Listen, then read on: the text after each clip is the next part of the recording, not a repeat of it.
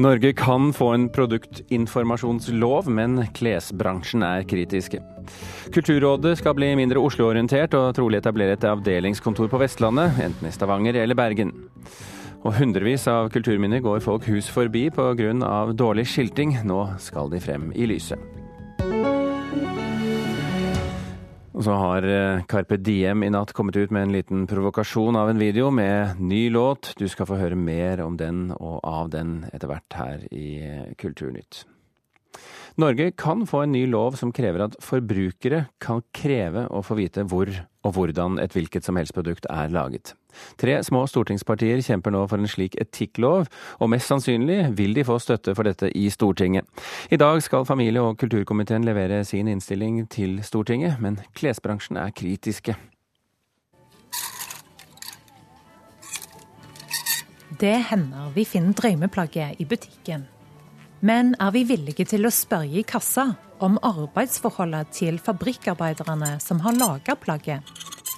Vi spurte noen tilfeldige kunder i Elverum.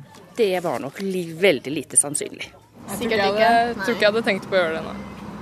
Dessverre. Vi nordmenn tenker jo ikke så mye på på disse her forholdene som er i eh, de ulike fabrikkene?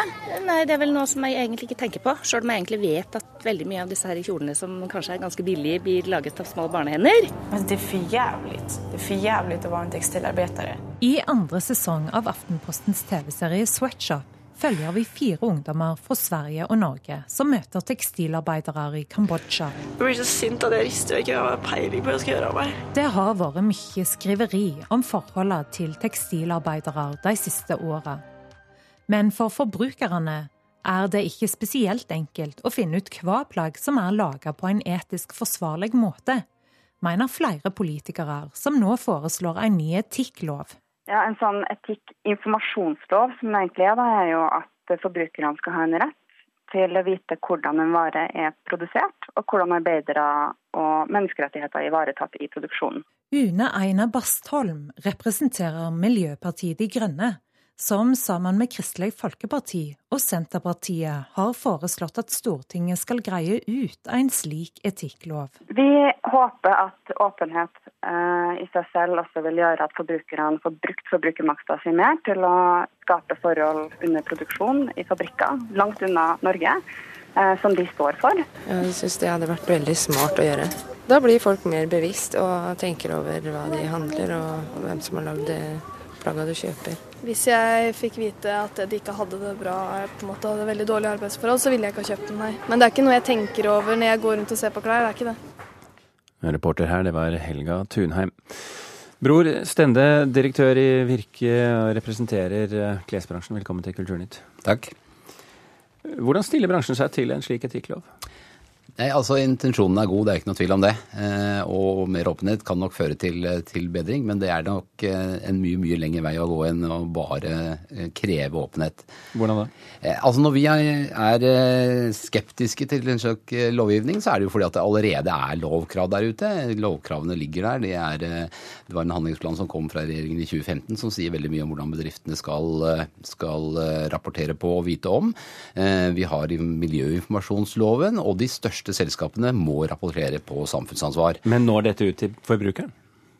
Eh, dette her sånn er jo da bedriftenes ansvar, og det er jo en konkurransefordel for de som er åpne på hva de driver med. Altså La oss si at de informerer godt om hvilket arbeid de gjør på sine nettsider osv. Så, videre. så vil jeg jo si at det er en, en, et vesentlig konkurransefortrinn.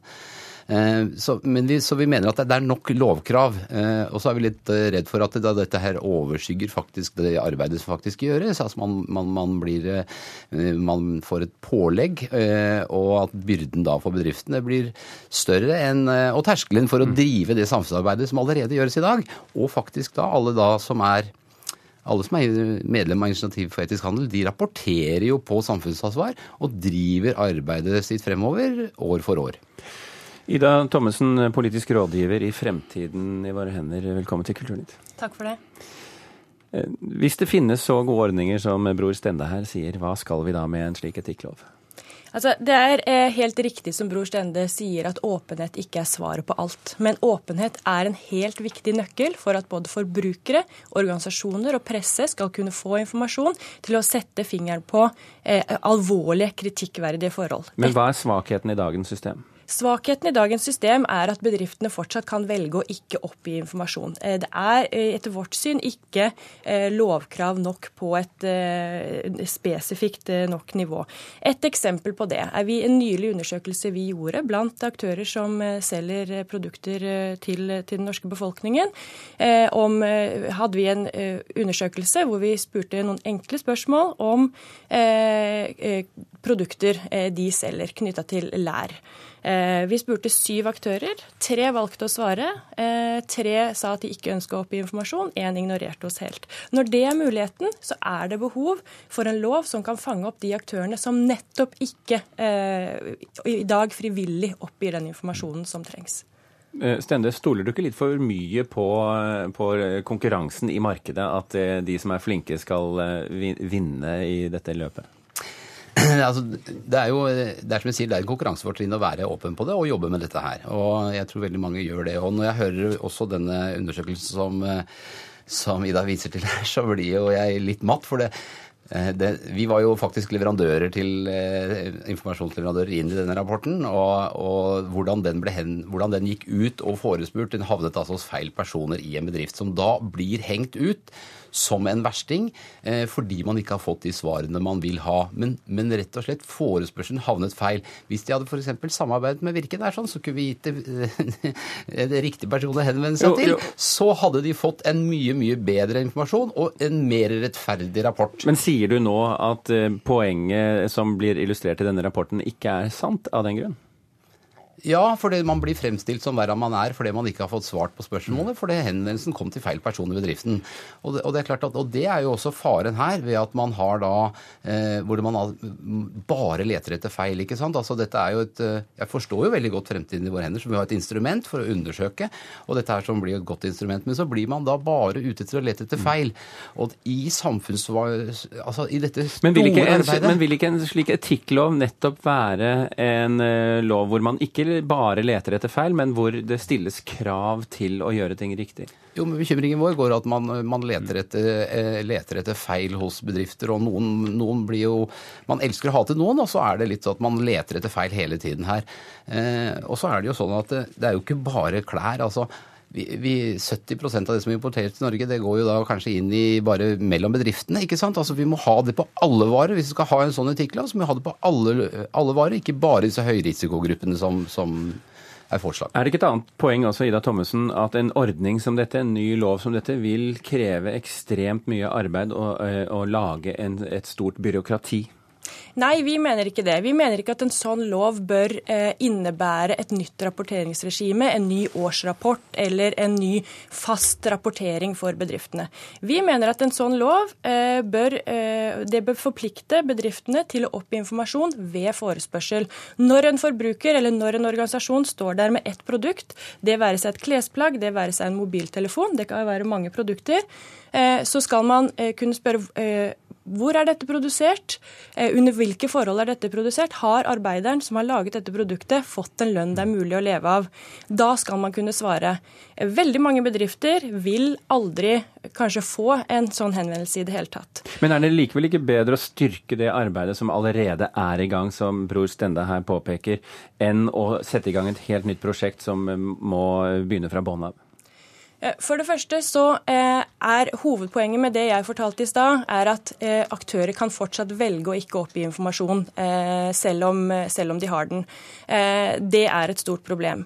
Så kan vi selvfølgelig bygge videre på frivillige ordninger, men mange, mange år med arbeid og fokus på arbeidsforholdene for arbeiderne i den globale vareproduksjonen og frivillige ordninger har ikke ført frem. Nå er det på tide å lovfeste retten til informasjon informasjon for forbrukere. Eh, familie- og kulturkomiteen leverer altså sin innstilling til eh, Stortinget i dag. Bror Stende og Ida Thommessen, tusen hjertelig takk for at dere kom til Kulturnytt.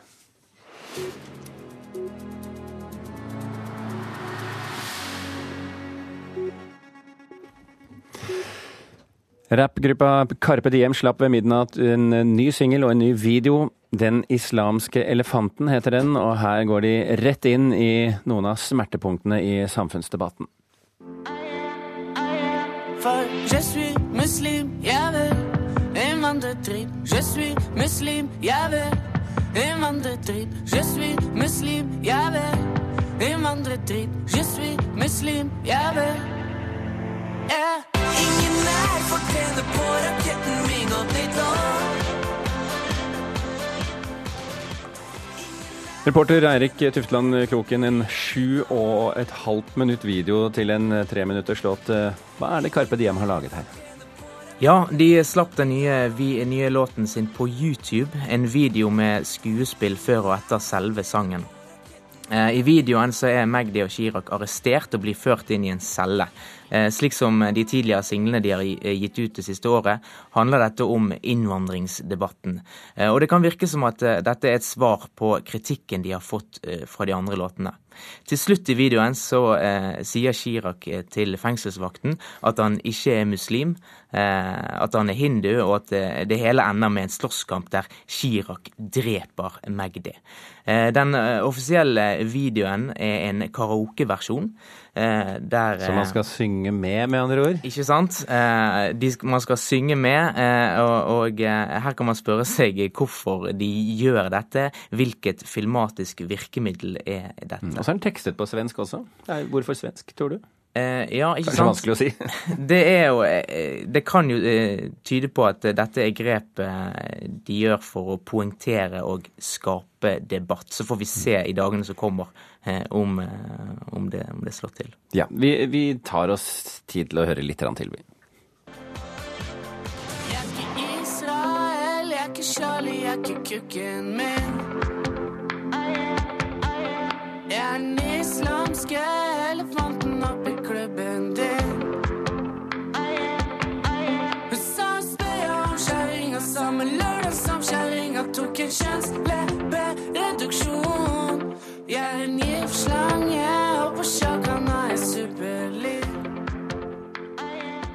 Ja, og mye av denne videoen her eh, knyttes direkte opp, både i klær eh, og, og, og, det er jo en fortsette, direkte fortsettelse av Attitude-problem. Så hvis du er interessert i Carpe Diem og dette prosjektet, hei sann Montebello, låta ligger nå klar på YouTube. Men eh, Eirik Tufteland Kroken, også et nytt museum i Los Angeles har vakt oppsikt. Museet som er dedikert hjertesorg. The Museum of Broken Relationships det åpnet denne helgen i Hollywood og viser alt fra kvinners undertøy og kjærlighetsbrev til brudekjoler og smykker. Mm. Dette er altså museumet for alle som kjenner på den store kjærlighetssorgen. Og den permanente utstillingen av uønskede elementer fra tidligere partnere er basert på et museum som åpnet i Zagreb i Kroatia i 2006. Kroken, takk for at du stakk innom med informasjon. Klokken har passert 16 minutter over åtte. Du hører på Kulturnytt, og dette er toppsakene i Nyhetsmorgen nå. I dag legges Oslopakke 3 fram, et av virkemidlene for å få ned trafikken på E18 inn til byen fra Asker og Bærum, er å øke bompengene kraftig. Den norske innsatsen i Afghanistan får skarp kritikk, en rapport som kommer i dag. Og minst tre personer er døde og ni er skadd etter at et passasjertog kjørte inn i et godstog utenfor den belgiske byen Liège sent i går kveld.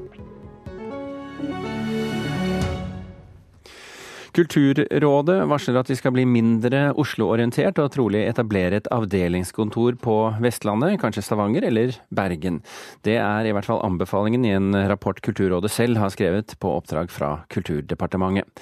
I en rekke år har Kulturrådet blitt anklaget for å prioritere Oslo-baserte kunstnere når stipendene skal deles ut. Kulturminister Linda Hofstad Helleland er enig i at Oslo-fokuset har vært for sterkt. Ja, jeg vil jo si det. Siden jeg er fra distriktet sjøl, så vet vi at det skapes uh, veldig mye kunst og kultur av høy kvalitet rundt omkring i hele Norge. Det sier Høyres kulturminister Linda Hofstad Helleland. I hånden holder hun rapporten som hennes forgjenger fra Vestlandet bestilte. 36 sider som anbefaler at Kulturrådet etablerer en avdeling for kreativ næring nettopp på Vestlandet. Og jeg er glad for at de nå ønsker å flytte mer kulturmakt ut i landet, og bygge opp også kulturklynger som blir sterkere utenfor hovedstaden vår. I rapporten som Kulturrådet selv har skrevet, anbefales det at kontoret skal ligge enten i Stavanger eller i Bergen. For begge disse byene har sterke kreative miljøer man kan samarbeide med. Men kulturministeren har ikke lyst til å peke seg ut noen favoritt blant de to. Både Bergen og Stavanger har veldig mye positivt å by på når det kommer til den kreative næringa. Men uh, vi har ikke konkludert. Nå skal vi lese nøye gjennom rapporten, og så skal vi uh, se gjennom sommeren hva vi kommer til å ende på. Kulturrådet har alltid ligget i Oslo, og har mange ganger blitt kritisert for å favorisere østnorske kunstnere når stipendene skal deles ut. Fungerende direktør Vibeke Mohr innrømmer at de ikke har vært gode nok til å speile hele Kunstner-Norge. Ja, vi tar den kritikken til eh, etterretning, og ønsker jo at Kulturrådet skal være med til stede i hele landet. Men vi er jo et bitte lite miljø da, på 100, vel 100 ansatte, så det er, jo ikke, det er jo ikke et stort organ vi snakker om. Reporter her, det var Petter Sommer. Hilde Sandvik, tidligere kultur- og debattredaktør i BT, og nå hva skal vi kalle det, innehaver av det nordiske nettstedet Broen XYZ. Velkommen til Kulturnytt. Tusen takk. Hva syns du om at Kulturrådet vil flytte et kontor til Bergen eller kanskje Stavanger? Altså Det første å si er at jeg er glad for at Kulturrådet har tatt den kritikken alvorlig som har kommet de siste årene fra flere miljø. Når en først skal flytte, så skulle jeg likevel ønske at en kunne tatt et eh, større og tydeligere grep. Eh, Bl.a. har kulturforsker Georg Arnestad eh, og Sigrid Røiseng flere ganger sagt at en bør flytte hele rådet ut av Oslo. Fordi at en kan se for seg at den type kontoroppbygging eller regionalisering kan føre til egentlig større byråkrati enn nødvendig, og at det er dyrere enn nødvendig. Så ja, De flytter altså et kontor ja, de flytter altså et kontor på ca. tolv ansatte, i hvert fall er det tolv ansatte i dag. Hvor mye vil det i praksis bety, tror du, når ledelsen fremdeles sitter i Oslo? Nei, Det er nettopp det som jeg stiller spørsmål ved, eh, om det får den store betydningen. Altså I utgangspunktet så blir dette mer av en symbolsak å regne, men, eh, men små symboler skal en ikke kimse av alltid heller. og det, Jeg håper jo at det òg kan føre til at en begynner å kikke altså, kikke på andre grep som en kan ta. For den type magnetisk kraft som Oslo etter hvert har fått, eh, der du nesten må sitte i Oslo for å, for å, for å ha en eh, sterk betydning, den, det tror jeg både landet og, og, landsdelene taper på. Kulturrådet foreslår altså da å legge kontoret for kulturnæringssatsingen til Vestlandet. og Når de først skal legge et kontor dit, er det, dette et bra kontor? altså Kulturnæring i seg selv er jo selvsagt noe et, et gode. Um, igjen så tror jeg at det får mer av en symbolsk betydning. Uh, mer enn en konkret uh, virkning. Uh, men både Oslo, nei, både Stavanger og, og Bergen har jo tydelige, tydelige miljøer som, som, jobber godt i dette skjæringspunktet. Og, og Bergen har jo Eh, vist vei mange ganger eh, når det gjelder nettopp muligheten for å styrke næringssamarbeidet mot kultur. Ser du for Eh, deg flere utflagginger av denne eh, karakteren? Ja, altså Jeg håper som sagt at en tenker, tenker et større grep. Og skulle ønske at en hadde tatt det tydelige grep å skille direktoratdeling fra rådet og flytte hele rådet ut av Oslo. Hilde Sandvik, takk for at du var med i Kulturnytt.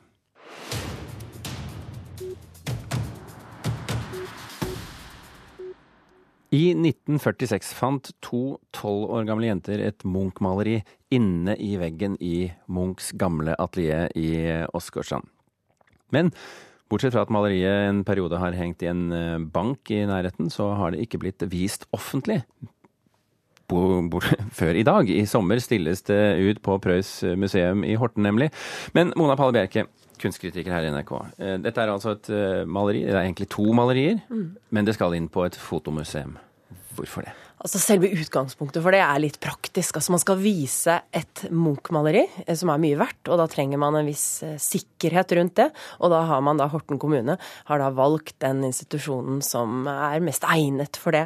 Og da har jo også Prøys museum eh, lagd en ramme, spunnet en ramme rundt dette maleriet, som også da inkluderer fotografi. For de tar da dette at dette maleriet har to sider. Altså det er to malerier på ett lerret som utgangspunkt for å se på det de kaller Munch Munchs liksom eksperimentelle arbeidsmåte.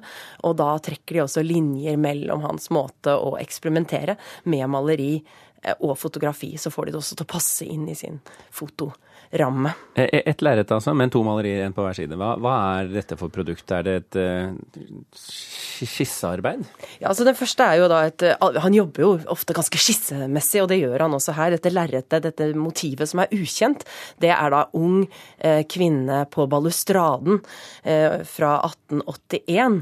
Og det er et bilde av en duknakket, litt sånn forknytt kvinne som står da der på Nordstrand, eh, nedover mot havet en bratt bakke, kanskje Nordstrandveien. Eh, og det er en sånn litt sånn tung, søylebåren balustrade bak henne, og havet da utover. Og så bak henne er også et blekgrønt murhus med en veldig kraftig rød villvin. Veldig sånn typisk eh, Munch-bilde. Og på baksiden da, så er det en, et mye mer kjent motiv. Det er nemlig et livsfrisemotiv, en kullskisse eh, fra 1883. Og det er stemmen. Og det er jo da dette bildet som, eh, av, et ansikt mellom trærne i en skog med veldig mørke, store øyne, og så ser man strandlinjen i bakgrunnen mellom trærne. Men, men, han får jo han, altså Edvard Munch var jo ikke noe stor fotograf, men en stor maler. Hva får de ut av denne koblingen, da?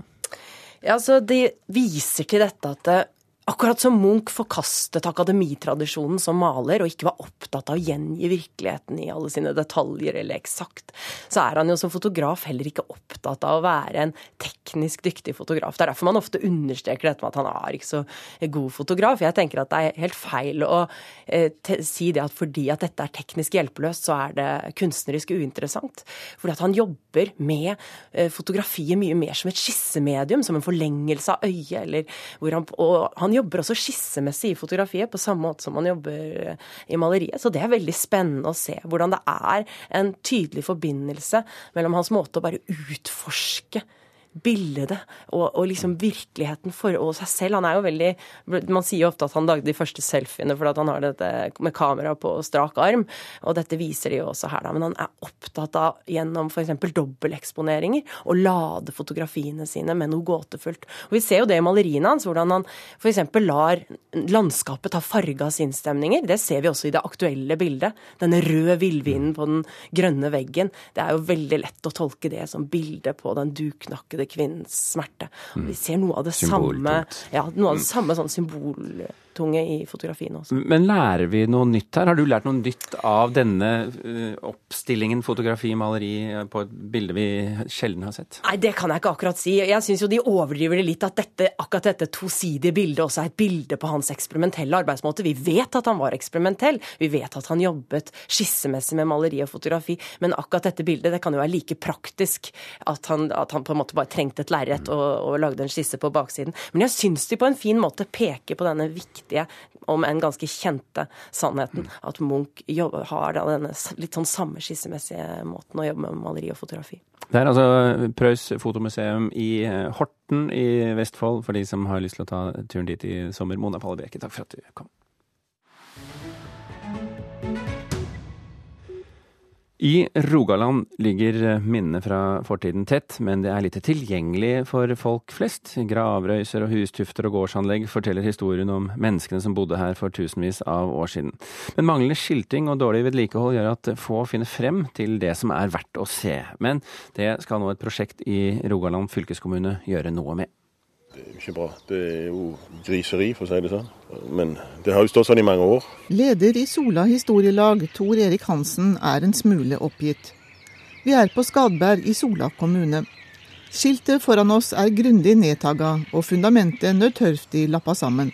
Dette skiltet som står her, er ikke lett å få noe informasjon ut ifra. Både fordi det er vanskelig å lese, men òg at de er dekket delvis bak en hekk. Sier også Anja Bergård Endresen, som leder regional- og kulturutvalget i Rogaland fylkeskommune.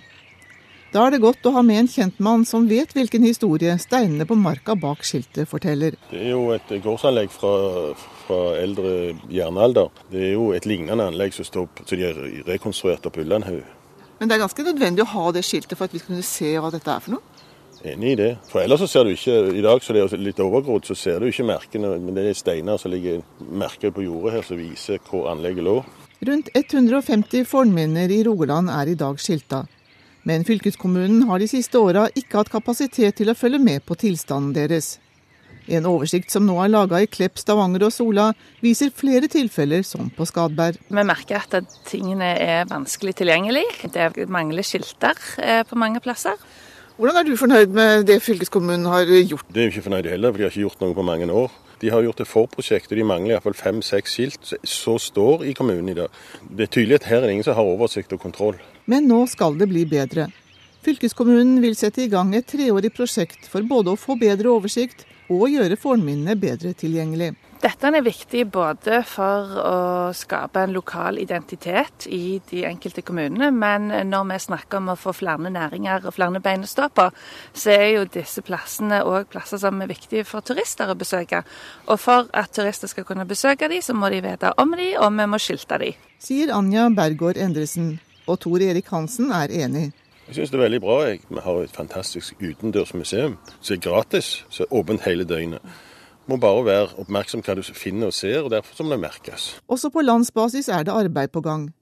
Riksantikvaren har et eget program der fylkeskommunene kan få støtte til å få fornminnene fram i lyset, forteller seniorrådgiver Eva Walderhaug. Det er mange kulturminner som er tilrettelagt, som trenger oppgradering. Og så er det også kulturminner som ikke er formidlet i dag, men som man ønsker å få formidlet. Inntil høyre her så ligger det jo i hvert fall to eller tre gravhauger inni skogen her. Og det visste ikke jeg om, så det er jo et tegn på at her kunne det vært en fordel med noe merking. Reporter her, det var Marianne Terjesen. Kulturnytt er i ferd med å runde av. Bare minner om, hvis du var interessert i den nye Carpe Diem-låta, så ligger den på våre nettsider nrk.no kultur. Gjermund Jappé og Birger Kolsrud Aasund sier takk for følget. Hør flere podkaster på nrk.no Podcast.